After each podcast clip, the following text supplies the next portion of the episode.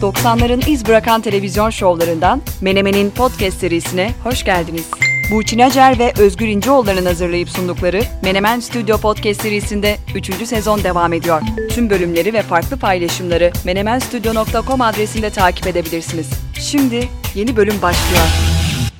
Menemen Podcast 64. bölüme hepiniz hoş geldiniz. Kayıt günümüz 4 Kasım 2021 Perşembe, yayın günümüz bir aksilik olmazsa 5 Kasım 2021 Cuma. Her bölüm vitesi yükseltiyoruz. Farklı farklı konularla karşınızdayız. Kayda girmeden önce genelde konuşacağımız konular belli. Bugün de belli. Ee, mesela bir haftadır gündemi meşgul eden Metaverse'ü konuşacağız bugün. Nedir bu Metaverse? Sıklıkla konuştuğumuz iklim konusunda da gündem çok yoğun. Zaten yoğun olması lazım. Greenwashing kavramından söz etmeyi planlıyoruz. Sevilen, beğenilen köşemiz bir de buna bakta iki tane önerimiz olacak. Ana konularımızı bu şekilde sıraladıktan hemen sonra ilk 11'lere geçiyorum. Kalede Özgür İnceoğulları, kendimi kaleye koydum. Ve kanatlarda büyük bir yıldız, oyuna yön veren, kapanan defansları çok rahat bir şekilde açan, her girdiği takımın göz bebeği, skorer oyuncusu olan görev adamı, takım kaptanı Burçin Acar karşınızda. Burçin'cim merhaba. E, hepsi tamam hadi peki ama bir de unutkan bir adam. Yani geçen hafta soru sorduk cevap vereceğiz dedik. Cevap vermedik ya. Yani bu kadar vasıflarını saydığın birinden böyle bir unutkanlık beklememek lazım. O yüzden bugün bu saydığın şeyleri pek üstüme almıyorum. Utanıyorum biraz geçen haftadan dolayı. A- alabilirsin. Unutkanlık hepimizde var ya. Günün yoğunluğuna verdim ben onu. Ya vardı o kadar konuş konuş konuş bir de program sonunda söyleyeceğiz söyleyeceğiz. Hiç yani bir yani hiç bir aklıma bile gelmedi yani soru. Öyle kapattık gittik. O yüzden de biraz dediğim gibi utanç içindeyim. Ama bugün onu telafi ederiz. Tabii artık o aradan bir hafta geçti. Sen de dersine çalıştın. Kaynakları inceledin. Video kliplere baktın. Stream oranları falan hepsine olsun ama yine de dinleyicilerimiz arasında bilmeyenler vardır diye düşünüyorum. Bak gerçekten bana inanmayacaksın belki ama hiçbir şekilde bakmadım. Kendimi de özellikle e, böyle hmm. durdurdum. Hani bu şeyin doğallığını bozmayayım diye, bu sorunun cevabının doğallığını bozmayayım diye. Ha bak bu arada düşündüm. Bir hafta düşündüm. Dolayısıyla şimdi tekrarlayacağın sorunun cevabını vermeye çalışacağım ama gerçekten gerçekten bakmadım Burçin. Peki. Ya şu an seni görüyorum ve inanıyorum. Gözlerim bana galiba doğruyu söylüyor. Şu, soru şuydu bu arada tabii ki geçen haftayı dinlememiş dinleyicilerimiz olabilir. Yani bir ara ara birbirimize sorular soruyoruz böyle biraz antrenman olsun diye. Madonna'nın YouTube'da en çok izlenen video klibi hangi şarkısına çekilmiştir? Bir de stream dünyası için en çok stream e, elde ettiği şarkısı hangisidir? Bir de ipucu vermiştim. İki şarkı farklı şarkılar. Biri YouTube'un, biri stream'in en iyisi. Özgür de bir düşüneyim dedi. Öyle dedi, böyle dedi. Program sonu dedik. Bir hafta geçti artık bugün program sonu demeyeceğiz. Hemen cevabı vereceğim sana. O yüzden önce tahminlerini duymak istiyorum. Bak şöyle bir strateji izleyeceğim. Bir hafta düşündüm dediğim gibi ve şöyle düşündüm. Tamam. Ee, dedim ki bir kere en çok izlenen video klibi YouTube'da en çok izlenen video klibi Madonna'nın bir kere böyle en sansasyonel ve en böyle hafif e, erotizm kokan video klibi olsa gerek diye düşündüm ve burada diyorum ki erotika. Peki ikinciyi de vereceğim mi cevabı evet. hemen doğru mu yanlış? Evet. Tamam evet. ikinciyi de alayım. E, ikinci e, cevabım da şu. Dedin ki Spotify'da en çok dinlenen parçası hangisi olması lazım? Şimdi bütün playlistleri düşündüğün zaman şimdi hani böyle Spotify'ın playlistleri bazen evlerde işte arkadaşların geldiğinde partilediğin zaman falan filan çalıyorsun. Dolayısıyla e, bütün playlistlere böyle banko girebilecek Madonna parçalarını düşündüm. Ve orada da aklıma Vogue geldi. Yani hani bütün playlistlerde olur, bütün partilerde çalınır, herkesi dans ettirir. Dolayısıyla ilk soruya e, erotika, ikinci soruya da Vogue diyorum. Dağıt dağıt ikisini de yanlış cevap sinyalini duydun herhalde. Ee, yani aslında şey akıl yürütmen başarılı. Ben de olsam mesela video klip için Vogue derdim ya da erotika derdim pardon. Yani ikisinden bir tanesini söyledim muhtemelen erotika derdim. En çok izlenen video klibi bu haber hazırlandığı sırada 500 milyon civarındaydı. La Isla Bonita. Hmm. Hay Allah. Ee, yani aslında Madonna'nın klasik e, dönemi için en beğenilen iki şarkısından bir tane ya da en çok bilinen iki şarkısından biri diyebiliriz. Like a Prayer'la beraber e, La Isla Bonita YouTube'da en çok izlenen o. Daha 1 milyara da erişemedi. Yani 1 milyar biliyorsun şu anda günümüz şarkıcıları için aslında e, çok da aşılması zor bir eşik değil ama 80'ler ve 90'lar video klipler için biraz zor. Stream dünyasına gidelim. Oradaki akıl yürütmem biraz bayağı bir out oldu. e, stream dünyasında en çok dinlenilen Madonna şarkısı Spotify için konuşuyorum. Hang Up. Ee, yani daha modern işte ABBA sample'ı bir kere şey temposu çok iyi. Muhtemelen bu workout playlistlere falan da giriyordur öyle düşünüyorum. Ee, oradan aldığı bir güçle Spotify'da en çok dinlenilen Madonna şarkısı olmuş. Yani tahmin etmesi de güçtü o yüzden çok da şey yapmıyorum. ya Özgür nasıl bilemedim falan demiyorum. Çünkü gerçekten bir kere külliyat çok geniş. Dolayısıyla yani her şey olabilirdi. Biri La Isla Bonita, biri Hang Up diyerek Madonna'yı geride bırakalım. Devam edelim. Bu arada Senin bir dakika. sorun? E, düşünme sistemimden veya gidiş yolumdan da puan vermiyor musun? Neydi o? Kar, karnede. Kanaat notu da vermiyor kanaat, musun? kanaat notum evet kanaat notum iyi. Yani Hani zayıf orta peki çok iyi falan iyi kanaat notum iyi güzel bir akıl yürütmeydi. Özellikle video klip için ben de hemen hemen aynısını söylerdim ya da Like a Prayer derdim belki ama La Isla Bonita demezdim. Pekala, pekala. Karşılıklı sorular devam ediyor. Bir süperstardan bir başka süperstara geçiyorum. Benimki böyle seninki gibi. Michael Jackson. Hayır değil değil. Türkiye'ye gel Türkiye. Şöyle e, benim sorularım seninki kadar böyle bilgi haznesi sorular olmuyor. Benimkiler biraz daha böyle kinayeli sorular oluyor. Şimdi benim sorum şu. Geçen bölümümüzde adı geçmişti. Ee, yaşıyla ilgili ufak bir tereddüt yaşamıştık. Ben de dedim ki bir sonraki bölümde Burçin'e sorayım. Tarkan'ın oynadığı Trendyol reklam filmini izledin mi? Bir kere Ta- Tarkan bu arada 49 yaşındaymış. Geldi bilgisi. 49 yaşındaymış yani Kim, çok ke- kendi mi söyledi? ara dedi bir düzeltme yapmak istiyorum. Yani çok fark yok aramızda gördüğümüz gibi. Dolayısıyla hemen hemen aynı kuşaktan sayılabiliriz. Ne dedin ha Trendyol şey e, reklamını izledim tabii canım izledim. Beğendin mi? Hayır. Neden? Yani mesela bir böyle e, hani Tarkan'ın dokusunun çok iş, iz, e, işlendiği bir reklam değil bence o. Yani tamam işte şarkıyı söylüyor girişte çocuk falan.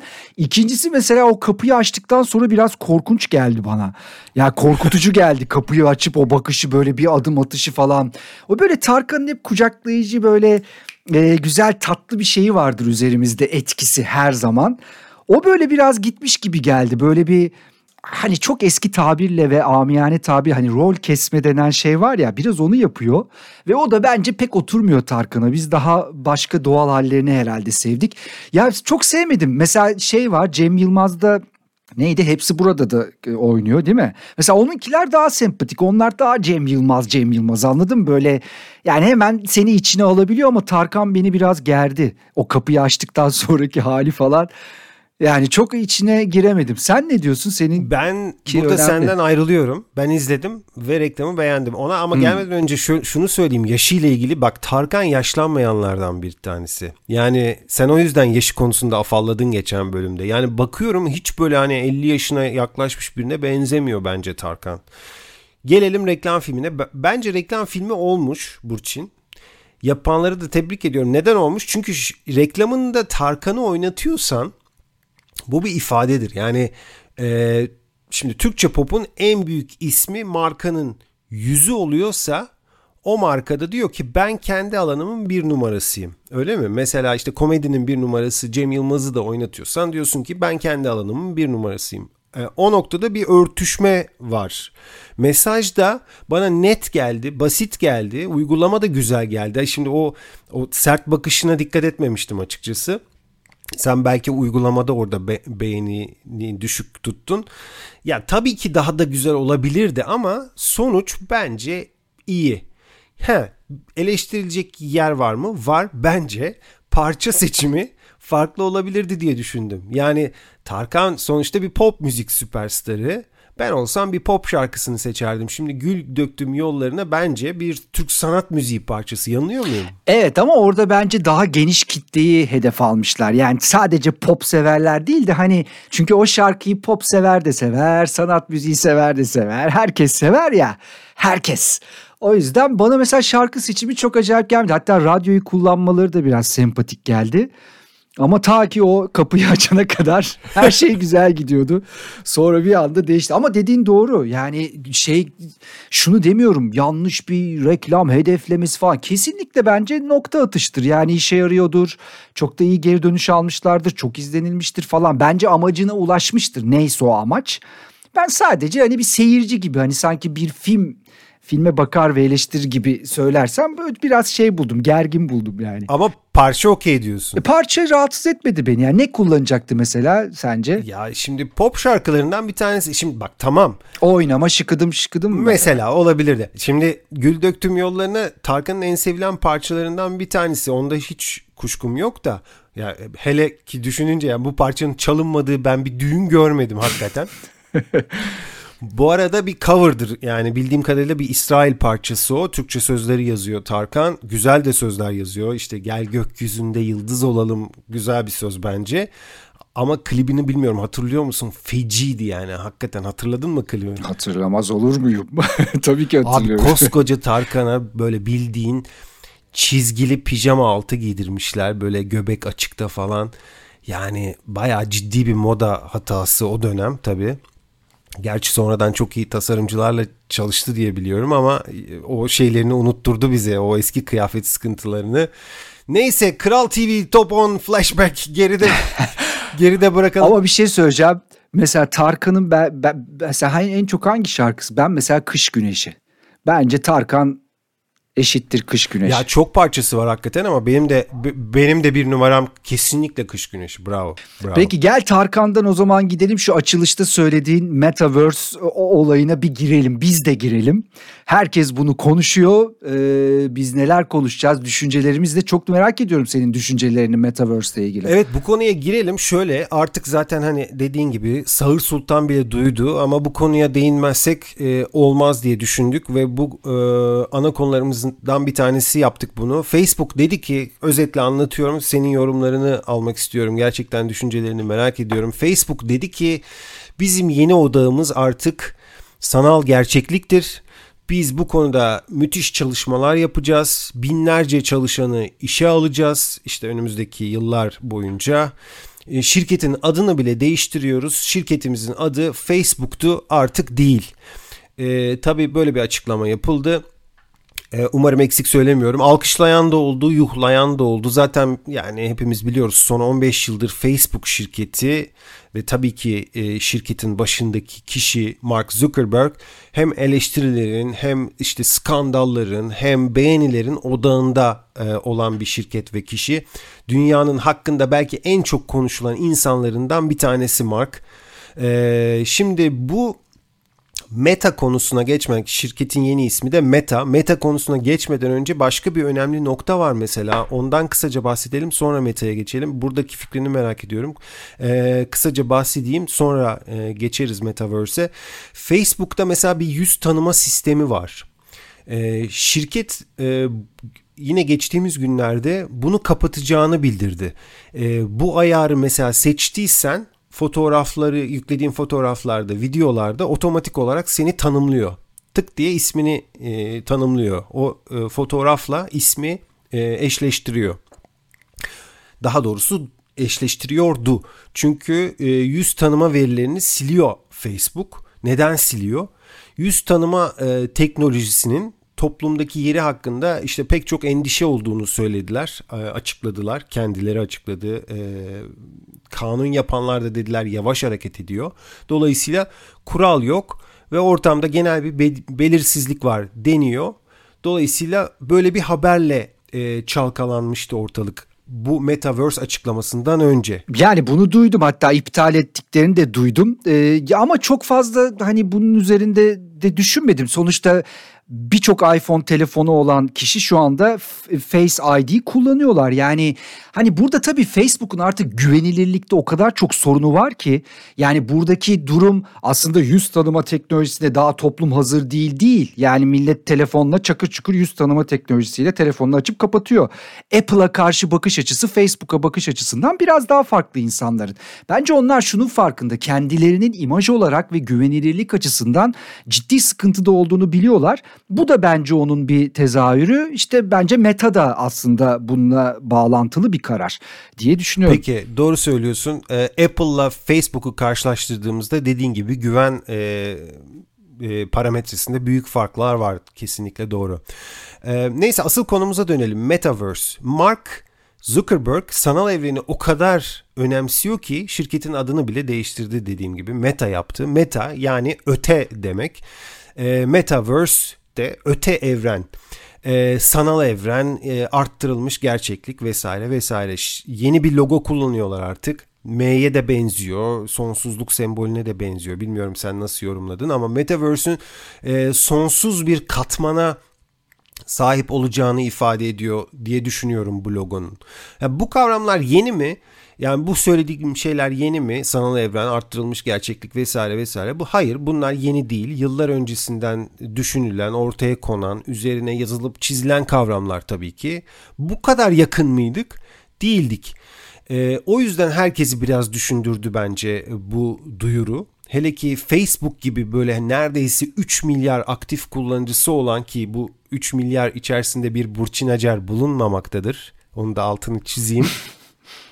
Yani bu dünyanın en büyük sosyal ağı, e, kullanıcı profili, demogra- demografik yapısı son derece karmaşık, son derece e, nasıl diyeyim e, zengin olan bir şirkete şirket böyle bir açıklama yapınca tabii ister istemez ne oluyor acaba diyorsun. Ses getiriyor yani bu kavramları biliyor olsan da. Hmm.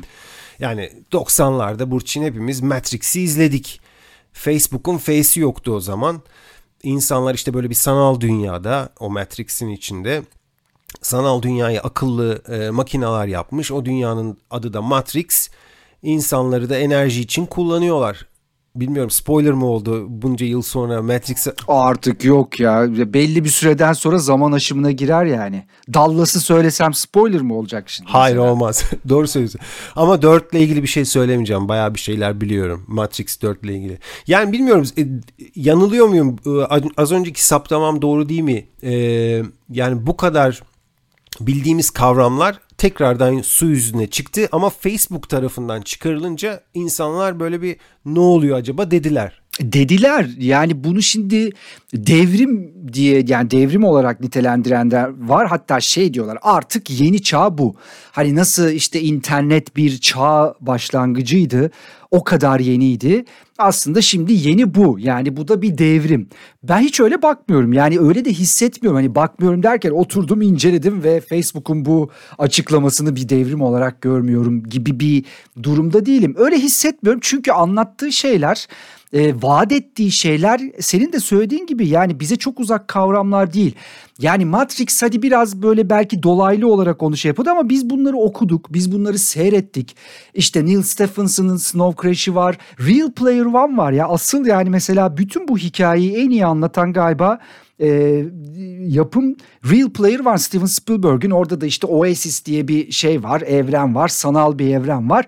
Hadi onu söylemeyeyim o spoiler'a girer. Orada geçen bir hikaye. Ee, bunları biliyoruz. Yani mesela şunu hatta oyunlar var. Second Life var. Çok çok çok çok popüler.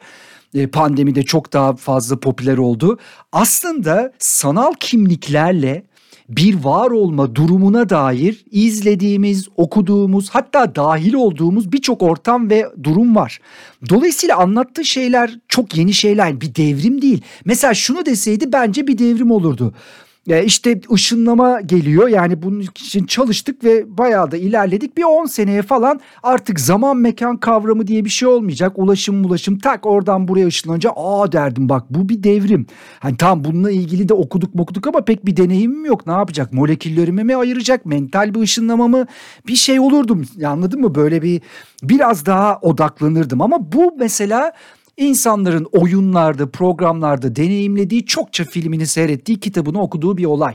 Dolayısıyla ortada yeni bir vaat yok bence. Yani bu açıdan bir devrim olarak falan görmüyorum. Ha şunu kabul ediyorum. Ya bunu da mesela belki şey denilebilir. Ya işte biraz boomer falan işte böyle yeniliğe karşı bir şey defans mı?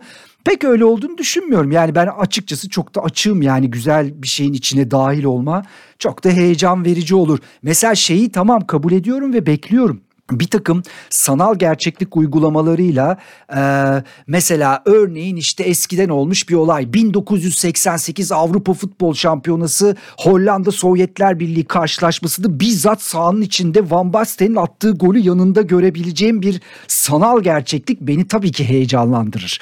Veya işte çok böyle e, destansı bir savaş büyük taarruzda Kocatepe'den koşmak mesela sanal gerçeklikte Oo, beni heyecanlandırır. Acayip senaryolar yazıyorsun devam. Hayır bu, bunlar olur bunlar olacak. Muhtemelen olacak yani. Şu anda müze gezebiliyor musun? Geziyorsun. Bunlar varsa biraz da aksiyon eklenir. Bunlar olur. Bunlar heyecan verici değil mi? Kesinlikle heyecan verici ama bunun Mark Zuckerberg'le bir alakası yok. Peki Mark Zuckerberg niye bu işin içinde? Bilmiyorum. Yani burada bence e, şimdi bak şunu belki konuşmak lazım. İnsanlar bu şimdi nedir hedef? Bir gözlük takacağız değil mi? Bu okuluslar ve ondan sonra bir ortama gireceğiz. Bir sanal gerçekliğin içinde. Bir avatarımız olacak. Şimdi mesela o avatarları yapıyor insanlar. İşte bu şirketler çıktı bir şeyler yapıyorlar. Nike bile ayakkabı yapıyor şimdi bu metaverse için. Şimdi bu bana şeyi gösteriyor. Yani burada ticari bir şey var. Bu sanal gözlüğü giyeceğiz, gireceğiz ne yapacağız? Bir tane Nike ayakkabı satın alacağız avatarımıza. Hatta belki işte bu hep konuşuyoruz ya ya bu NFT'leri alıyoruz alıyoruz da biz bunları nerede göstereceğiz kardeşim? Belki onları orada göstereceğiz işte. Yani orada bir ekonomi dönecek bunu Kesinlikle. anlıyorum tamam mı? İşte böyle Kesinlikle. ciddi bir ekonomi dönecek. Satın almalara dair işte alışverişlere dair avatarların gelişmesine dair bize ne vaat ediyor? İşte toplantıları artık e, sanal gerçeklikle yapacağız. İşte sosyal bir takım paylaşımları buralarda gerçekleştireceğiz. Tamam bunun çok böyle bir çekici tarafı yok. İnsanlar sanal gerçeklikte şu ana kadar bildiğimiz deneyimlerde ne yapıyorlar? Ya işte ya bu işin seksle ilgili tarafı çok yoğun şey kullanılıyor. İşte bir takım işte böyle para alışverişlerle ilgili kısmı belki buna kumar diyebilirsin, bahis diyebilirsin. Bunlar çok kullanılıyor. Yani sanal gerçeklik içinde insanlar aslında hayatta deneyimleyemediği veya cesaret edemediği bazı şeyleri bu dünyada yapmayı seviyor. Bunu biliyoruz. Bu net elimizde böyle bir gerçeklik var zaten. Ama Facebook bize bunu anlatmıyor tabii. O diyor ki gel diyor toplantı yapacağız diyor. gel diyor biz burada diyoruz alışveriş yapacağız falan diyor. Ama işte bilmiyorum bu ortamı yarattığında muhtemelen orada da en popüler şey belki alışveriş olmayacak. Orada da seks olacak bilmiyorum. Yani bütün bunların içerisinde çok da böyle büyük bir vaat göremedim. Ee, bilmiyorum bu Oculus'larla ilgili belki yani çünkü onu daha önce söylemişti. Bu Oculus işine bayağı bir kafayı taktı şey Mark Zuckerberg. E, şimdi bir Oculus'u değerli bir ürün haline getirebilecek en iyi şey bu Metaverse dediği hikaye. Yani belki de onu oradan satmaya çalışacak ya da bu gözlük yaptı biliyorsun Ray-Ban'la bir araya geldi sanal gözlük. Şimdi onu da satabileceği güzel bir ortam Metaverse baktığın zaman. Hani gireceksin takacaksın gözlüğü hop başka bir yerdesin. Yani karşı değilim bir bumur gibi şey yapmıyorum böyle aman aman Allah'ım ne olacak falan demiyorum ama ortada bir devrim de görmüyorum. Bilmiyorum ben o yüzden dedim ya belki benim görmediğim hakim olmadığım bir tarafı vardır bu işin. Gördüğüm kadarıyla bu bence. Yo yo sana katılıyorum. Her söylediğine katılıyorum. Şöyle ben, ben de oturdum e, bu Zuckerberg'in videosunu izledim. Oturdum bir saati aşkın boyun, Aynen ben de yani izledim. anlamaya evet, çalıştım. İzleme sayısı da beni şaşırttı açıkçası. Ben daha fazla izlenecektir diye düşünüyordum. Sadece 1.2 milyon kez izlenmiş. Yani birçok bir video onun kat be kat üstüne e, özellikle YouTube'da geldiği için beni şaşırttı. Videonun başlığı da işte The Metaverse and How We'll Build It pardon how we build it together diyor. Yani hani hakikaten diyor ki yani ben size böyle bir e, şey açacağım diyor. Ekonomik e, ekonomik e, çıkar sağlamanızı, ekonomik para kazanmanızı sağlayacak bir yer açacağım diyor. İşte bu Facebook Connect konferansında yaptığı konuşmada. Ana konuşmacı kendisi zaten ona şirketinin çalışanları da eşlik ediyor. İşte oyunla başlıyorlar dediğin gibi. Yani gaming oyunlarla başlıyorlar. O gözlüğü kask, evet. kaskı taktığın o headset deniyor galiba.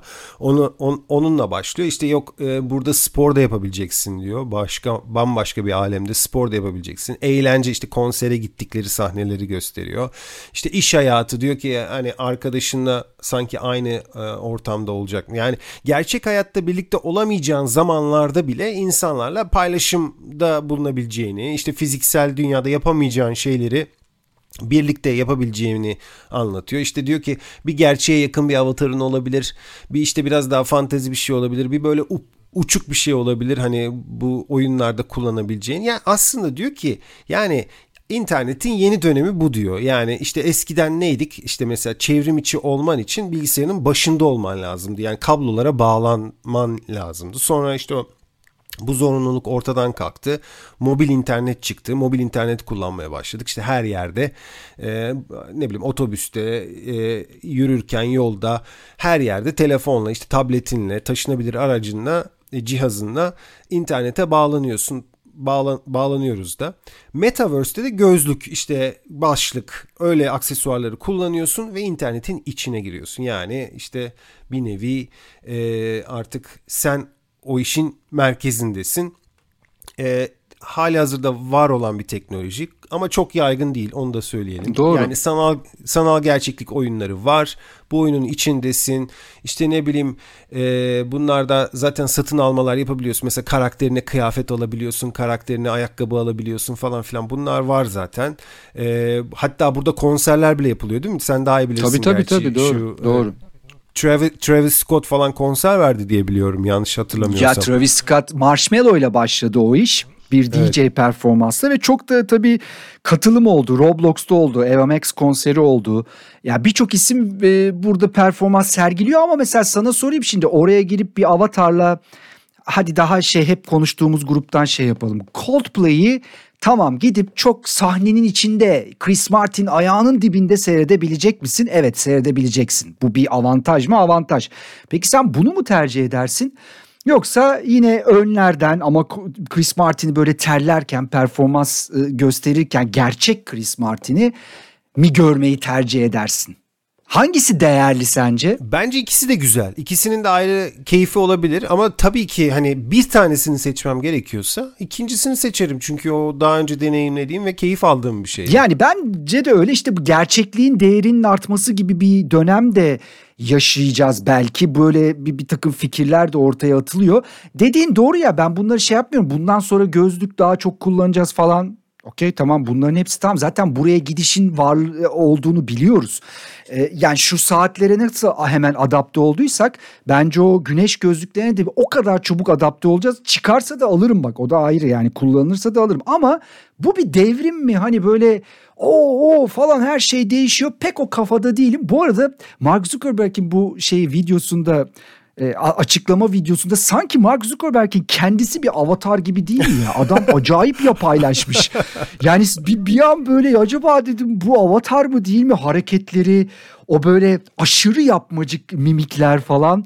E, tabii bambaşka bir şeyden bahsediyorum ama sana da böyle bir acayip gelmedi mi ya? Gerçeküstü gelmedi mi ya? Hiç doğal bir adam ben, gibi değil e, yani. Konuşma bana böyle sanki distopik bir e, bilim kurgu filmlerinde böyle hani dizilerde falan bazen bazı sahneler olur. Böyle bir adam veya bir kadın olur.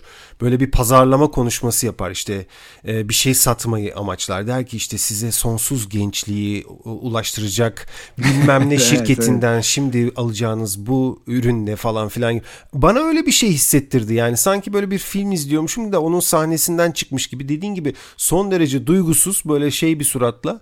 E, pek de gülen bir çocuk da değil zaten enteresan geldi hakikaten. Bakalım ne olacak? Yani bu arada çok ilginç bir şey daha söyleyeceğim.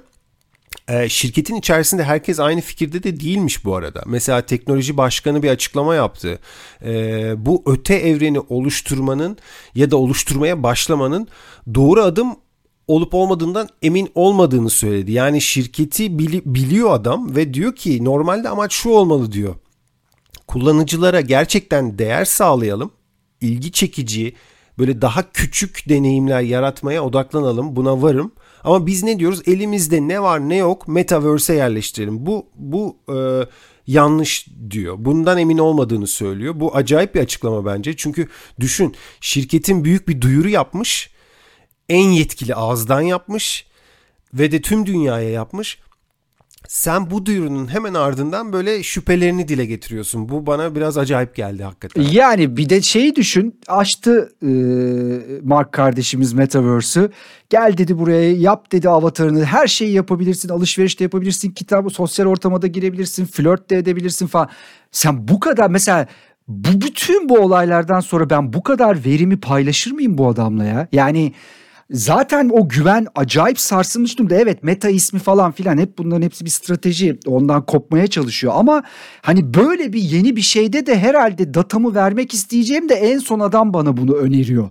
Bir de işin bu tarafı var. Herhalde bunun için bir kuşak falan değişmesi lazım o kirliliğin temizlenebilmesi için. Ee, belki de bunun farkında oradaki böyle sallantının ve çok böyle büyük bir vaatle ortaya çıkıp bunu toparlamak istiyor. Bilemiyorum yani çok böyle dediğim gibi bana bir devrim gibi gelmedi ama heyecanlı bir şekilde takip ediyorum. Dediğim gibi Van Basten'in o volesini yanından izlemek için de sabırsızlanıyorum yani. Bunu da istiyorum. Açık konuşayım. Metalarda görmeyeyim seni Burçin. Metalarda geziyormuşsun Özgür. Ya işte bu ama tabii şey heyecan verici bir taraftan da bir şeyler değişiyor. Onun da farkındayız yani. Hani öyle bir defans e, yaparak söylemiyorum bunu. Tekrar altını çizeyim. Pekala. Bu arada bu arada önümüzdeki mesela bölümleri Metaverse'te yayınladığımızı düşünsene. Yani bu aslında bir yandan fırsat da olabilir. Şimdi bütün söylediklerimi ters düşerek böyle. ya şey doğru. Buradan bir takım insanlar çok para kazanacak. Doğru acayip yatırımcılar, girişimciler bir şeyler doğru yani bu burada bir ekonomi dönecek. Zaten bence galiba işin şeyi bu. Burada dönecek büyük ekonomiye e, yönetmek istiyor Mark Zuckerberg. Nasıl Facebook, Instagram, WhatsApp, Messenger hepsi benim ben yönetiyorum burayı. E diyor buraya geçişte de burayı da ben yöneteyim diyor. Herhalde aynı şeyle motivasyonla e, bu işin içinde diye düşünüyorum. Bunlar hep tabii tahmin yani uzaktan. Bitcoin'lerini harcarsın artık Metaverse'de Burçin. Ya NFT'lerimi sergileyebilirim tabii orada ya. Biraz 3-5 gösterebilirim. Dev dev böyle şeylerde. Cem Yılmaz çizimlerinden almışsındır sen birkaç tane. İsmimin açıklanmasını istemediğimi belirtmiştim ama galiba haber sızmış sana da. Sızdı geldi. Platformlarda konuşuluyor Burçin. Asıl ben sana konuşulan başka bir şey söyleyeyim. Biz geçen programda aslında çok az bir girdik. bu. Ya aslında çok giriyoruz bu iklim değişikliğiyle ilgili meselelere işte Coldplay'in böyle bir turneye çıkışı. Sen, sen ne oldu İsviçre'de bir şirketle görüşecektin Coldplay'in bu turnesini organize eden? Görüşmeler no, no, görüşmeler başladı Burçin. Henüz e, bir olgunluğa erişmedi ama yakında yani o benim aklımda yani. Onu sen dediğim gibi hani görevi ver ve unut. O dolayısıyla gelecek onunla ilgili bilgilendirmeler gelecek. Merak etme. Tamam. Coldplay'in bu işte sıfır karbon hedefli dünya turnesini hazırlayan şirket İsviçreli. Özgür de merkezde onlarla bir konuşacak demek müzakereler başladı. Peki. Evet. Zürih'telermiş. Zürih'te. Hmm, tamam. Evet Zürih'telermiş. Ee, biraz uzak bana ama. Kaç saat? Yani görüşüyoruz. 3 saat. Ya, İstanbul Ankara'dan daha İstanbul Sakarya o kadar uzun. Neyse tamam peki. Vardır sizde yeşil trenler falan ona binersin böyle sıfır enerji karbon iziyle gidersin. Şimdi e, bir de biz Coldplay kadar bu meselede Massive Attack'ten bahsediyorduk hatırlarsa. Hangi bölüm olduğunu sorma bilmiyorum. Bölümlerimizden bir tanesi de Massive Attack çıktı dedi ki bütün müzik endüstrisine çağrımızdır. DJ'inden grubuna kadar bu iş böyle gitmez. Bunu değiştirin turne işte mekaniğini mantığını değiştirin yoksa bu iş kötüye gidiyor diye. Şimdi biliyorsun bir taraftan Glasgow'da iklim zirvesi var. Orada da bayağı hararetli olaylar. Hatta biraz önce Greta Thunberg bir şey attı, mesaj attı. Sana mı? Ha bana şeyden DM'den. Öyle bir söyledin ki yani. ya mesaj attı işte. Dedi ki Burçin'im dedi burada dedi şeyler var dedi. Ama dedi hiç dedi konuşulanlar bla bla dedi. Yani yine bir işe yaramıyor. Hatta o da greenwashing e, şeyini terimini kullandı. Onu söyleyeyim. Yani bu önümüzdeki günlerde çok karşımıza çıkacak bir şey e, kavram. Şimdi hepsini toparlıyorum. Massive Attack, Greta Thunberg, işte greenwashing ne demek bunlar? Massive Attack de şeyde Glasgow'da ve Massive Attack bir şirketle beraber orada günlük olarak bir aktiviteye katılıyor aslında. Ee, Eco bot.net. Bak bu internet sitesini herkes yazsın. Eco, eco, bot.net. www yok bu arada başında. Bununla beraber Masvet'e günlük olarak orada bir bildirimde bulunuyor. Neyin bildiriminde bulunuyor? İşte burada greenwashing şeyine geçiyoruz, kavramına geçiyoruz. Nedir greenwashing? Şimdi brainwash falan bunlar çok konuşulur ya işte beyin yıkama falan. Şimdi birebir çevirdiğin zaman işte yeşil yıkama, yeşil aklama falan gibi çevirebilirsin ama ben buna yeşil tuzak diyorum. Tamam bunu bir cebe koy. Nedir bu yeşil tuzak? Nedir bu greenwashing kavramı? Şu mesela bir takım özel kuruluşlar veya devlet e, kendi ürünlerini pazarlarken aslında üretim sürecinde öyle davranmamalarına rağmen genel akçe ve insanların ilgisi bu yeşil enerji, yeşil sürdürülebilirlik falan olduğu için PR'larında sürekli buna vurgu yapıyorlar. Ama aslında hiç üretimlerinde veya genel olarak varoluşlarında böyle bir kaygıları yok. Sadece toplumdaki bu talebi belki de hassasiyeti kullanıyorlar. Ve bunu yapan çok büyük şirketler var. Devlet kurumları var, büyük şirketler var. Ve bunların yaptıklarına greenwashing deniliyor aslında. Greta Thunberg de attığı mesajda bana şey onu dedi. Burada şu anda dedi greenwashing yapılıyor. Yani bir şey konuşulmuyor. Şimdi buna mesela örnek verelim. Hepimiz görüyoruz. Şimdi bir takım işte şeylerde reklamlarda. Şunları görüyorsan bir kere bir korkacağım bir adım geri gideceksin. İşte vegan, bilinçli, etik, natürel, ekolojik, hele hele sürdürülebilir. Bunu duydun mu bir duracaksın. Sürdürülebilir podcast falan. Bunu burada dur, duracaksın. Bunlar çok kullanılıyor. Çünkü tüketici bunları duyduğu anda bu ürüne dair bir pozitif yaklaşım sergiliyor. Halbuki durum böyle değil. Mesela isim vermeyelim. Türkiye'de bir deterjan şirketi belki üretimi sırasında doğaya verdiği son derece geri dönüşsüz zararlar var. Ama o deterjan şirketi geliyor hadi sahillerimizi toplayalım çöplerimizi toplayalım kampanyası yapıyor. Bu bence bir greenwashing. Veya bir şirket ağaçları kesiyor, toprağın kimyasını bozacak şekilde bir takım karışımlar enjekte ediyor, şey yapıyor, kazıyor, kazıyor, maden arıyor sonra diyor ki ama şu kadar da ağaç diktik ve şuraya şu kadar fidan bağışladık. Greenwashing'in en üst tarafı bu. Veya üretimi sırasında çocuk işçi kullanan filtresiz fabrika kullanımıyla işte ucuza mal etmek için bin bir çeşit yola başvuran bir otomobil firması çıkıyor diyor ki çevre dostu bir modelimiz var mesela. E, bu yani çok tipik örneklerden bahsediyorum. Çok daha ayrıntıya girebiliriz. Veya işte e, ürünlerinde kimyasalı kullanıp ondan sonra tamamen doğal iplik ve doğal boyalarla ürettiğimiz bir jean'i size sunmaktan gurur duyarız diyen bir işte konfeksiyon cin markası gibi gibi bunların dediğim gibi şeyin sayısını çoğaltabiliriz. Peki Masivetek burada nerede devreye giriyor? Ecotrebot.net ile Masivetek her gün Glasgow'da bunu yapan şirketleri ifşa ediyorlar. Ecotrebot.net bir yapay zeka ile özellikle burada hedef sosyal medya kuruluşları Facebook, Twitter, Instagram çünkü diyorlar ki yani bu kampanyaların ağırlığı buradan yayılıyor. Bu internet sitesine girersen Özgür saniye saniye greenwashing yapan şirketleri, paylaşımlarını aslında bunların gerçeğinin ne olduğunu görebilirsin ve Glasgow'da da günlük olarak bu bildirileri yani gerçek zamanlı bildirimleri oradaki işte gelen katılımcılarla paylaşıyorlar. Ee, ve burada dediğim gibi ana hedef sosyal medya platformları diyorlar ki yani insanları işte Covid-19 ile ilgili yanlış haberden nasıl koruduysanız aslında buradan da koruyabilirsiniz. Ama yapmıyorsunuz çünkü siz de bunun içindesiniz. Siz de greenwashing yapıyorsunuz. İşte yeşile dönüyor logo bir anda falan filan. Dolayısıyla bu böyle çok özetlemeye çalıştığım kavram önümüzdeki günlerde çok kullanılacak bir kavram ve bence birçok markaya böyle bakmamızın vakti geldi geçiyor. Ben bazen düşünüyordum ya böyle diyor ama nasıl acaba gerisi nereden bilebiliriz ki ya diyordum geçiyordum. Şimdi bu site sayesinde o şirketin gerçekten ne kadar bu iklim konusunda duyarlı olup olmadığını ve yaptığı şeyin greenwashing olup olmadığını çok net anlayabilirsin. Harika da bir site anlık değişiyor. Acayip bir veri akışı var. Tekrarlıyorum www yazma eco-bot.net. Yani bu çevre bilincinin ve iklim farkındalığının bir şekilde suistimal edildiğini biliyordum da işin bu boyutta olduğunu bilmiyordum hakikaten. Özellikle böyle kavramsallaştırıldığını, greenwashing denilen bir e, kavramın bile ortaya çıktığını ve onun bile seviyelerinin olduğunu senden duymak çok ilginç geldi gerçekten. Bilgilendirme için teşekkürler. Ama çok mantıklı değil mi? Yani bu bu çok çıkıyor artık karşımıza ya. Herkes natürel, herkes sürdürülebilir. Ama onun da sonunda e, ekonomik çıkar yok mu? Sonuçta e, tüketicinin tercihi o yönde öyle değil mi? İşte onu sömürüyor aslında. Yani sana evet belki ve bir tane ürününü öyle üretiyor ama arkasına baktığın zaman o şirket belki de dünyadaki bu karbon üretiminin çok ciddi bir e, miktarda üreten bir şirket belki de çok ciddi bir pay sahibi. Bunu bilmiyoruz. Bilemeyiz de zaten. Biz bu kadar ayrıntılı bilgiyi nerede bileceğiz ki? Ama birileri bununla ilgileniyor. Masvetek de bunun sözcülüğünü yapıyor Ve yine ön planda kendileri var. Yine Robert Del Naya'ya bir saygı şeyi gönderelim.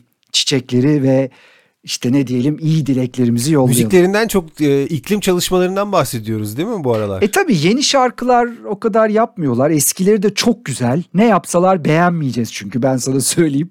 Aa diyeceğiz nerede Inner Creep falan nerede şu nerede bu diyeceğiz beğenmeyeceğiz. Bence iyi, iyi de yapıyorlar. Bu arada Robert Del Banksy olduğunu dair çok büyük iddialar var. Ben ona da yavaş yavaş inanmaya başladım. Peki tamam. Peki az önce söylediğin e, internet sitesi bir de buna bak olarak değerlendirmemiz gereken bir şey mi yoksa başka bir şeyin var mı senin bir de buna bakta? Bir de buna bakta başka bir şeyin var ama bir de buna mutlaka bakın tabii diyelim aslında eco-bot.net ama şöyle yapalım bir de buna bakta bir şey var bir çok güzel bir arşiv çalışmam var. Ama şimdi ikisini üst üste vermeyeyim. Ben bir de ekstra bir de buna bak yapmayayım. Bugün eco-bot.net'i koyayım ortaya ama haftaya özellikle alternatif müzik severler için müthiş bir arşiv açacağım. Yani gideceğiz arşive çökeceğiz inanılmaz zevk alacağız öyle bir arşiv ama söylemeyeyim hadi şimdiden ne olduğunu haftaya bir de buna bak da açıklarım sende var mı bir de buna bak var oyunu daha da genişletiyorum Burçin bir de buna bak. Ge- geçen bölümde saymıştım. Bir de buna bak bölümümüzde farklı farklı alanlardan önerilerimiz oluyor. Podcast, internet sitesi, müzik albümü, gazete, belgeseller, kitaplar, film festivalleri, 45'likler falan filan. Şimdi bu bölümü sen başlattığın için sana soruyorum. İçeriğine çünkü sen karar veriyorsun diye düşünüyorum. Bir sözcük, sadece bir sözcük. Bir de buna bak olabilir mi? Olabilir tabii canım neden olmasın. Yani o aslında bir de buna bak derken sadece görme duyusundan bahsetmiyoruz. İşitme, duyma, tat alma belki yani bir de buna bak. Buna algını çevir. Olur tabii. Buyur. Peki yılın sözcüğü için bir de buna bak diyorum. Ee, Collins sözlüğüne göre 2020 yılının sözcüğü hatırlarsın lockdown'du yani tecritti. Ee, yaşadığımız yıl tabii ki öyle bir yıldı. 2020'den söz ediyorum. Oxford'da dedi ki böyle bir yılın sadece bir tane sözcüğü olamaz demişti. Hatırlarsın konuşmuştuk. Bir önceki yıl 2019'da Climate Emergency, iklim acil durumu sözcük grubunu yılın sözcüğü seçmişlerdi. Daha önce de işte Toxic, Youth Cake, Youth Quake, Selfie, Podcast hepsinde e, seçmişlerdi. 2020 yılını pas geçmişti Oxford. Ee, bir sözcük seçmek yetmez demişlerdi. Çok alternatifleri vardı gerçi ama seçmediler. Bu yıl bir karar vermişler Burçin ve seçim yapmışlar. Ee, seçtikleri sözcük Vax. Vax. V-A-X. Yani ha. aşı sözcüğünün bu yıl için böyle bariz bir şekilde en iyi seçim olduğunu söylediler. %100 katılıyorum. Aslında tabii e, sözcüğün tamamı vaksin. E, kökeni de inek Burçin. Nasıl inek? Ee, İtalyan yani şöyle İtalyancası vakka.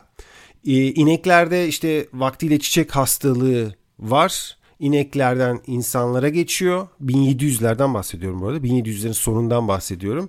Ee, İngiliz bilim insanı e, Edward Jenner daha önce böyle başka kültürlerde de aşı tarzı, aşının ilkel halleri kullanılıyor. Daha ilkel metotlarla uygulanıyor.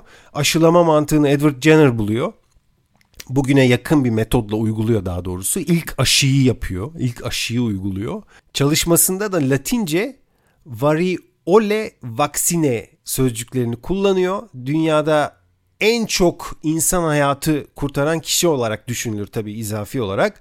Pastör, Pastör de e, o hatırlansın diye, anılsın diye bu sözcüklerle devam edilmesi gerektiğini düşünüyor. İşte o da kuduzu, kolera aşısını falan filan buluyor.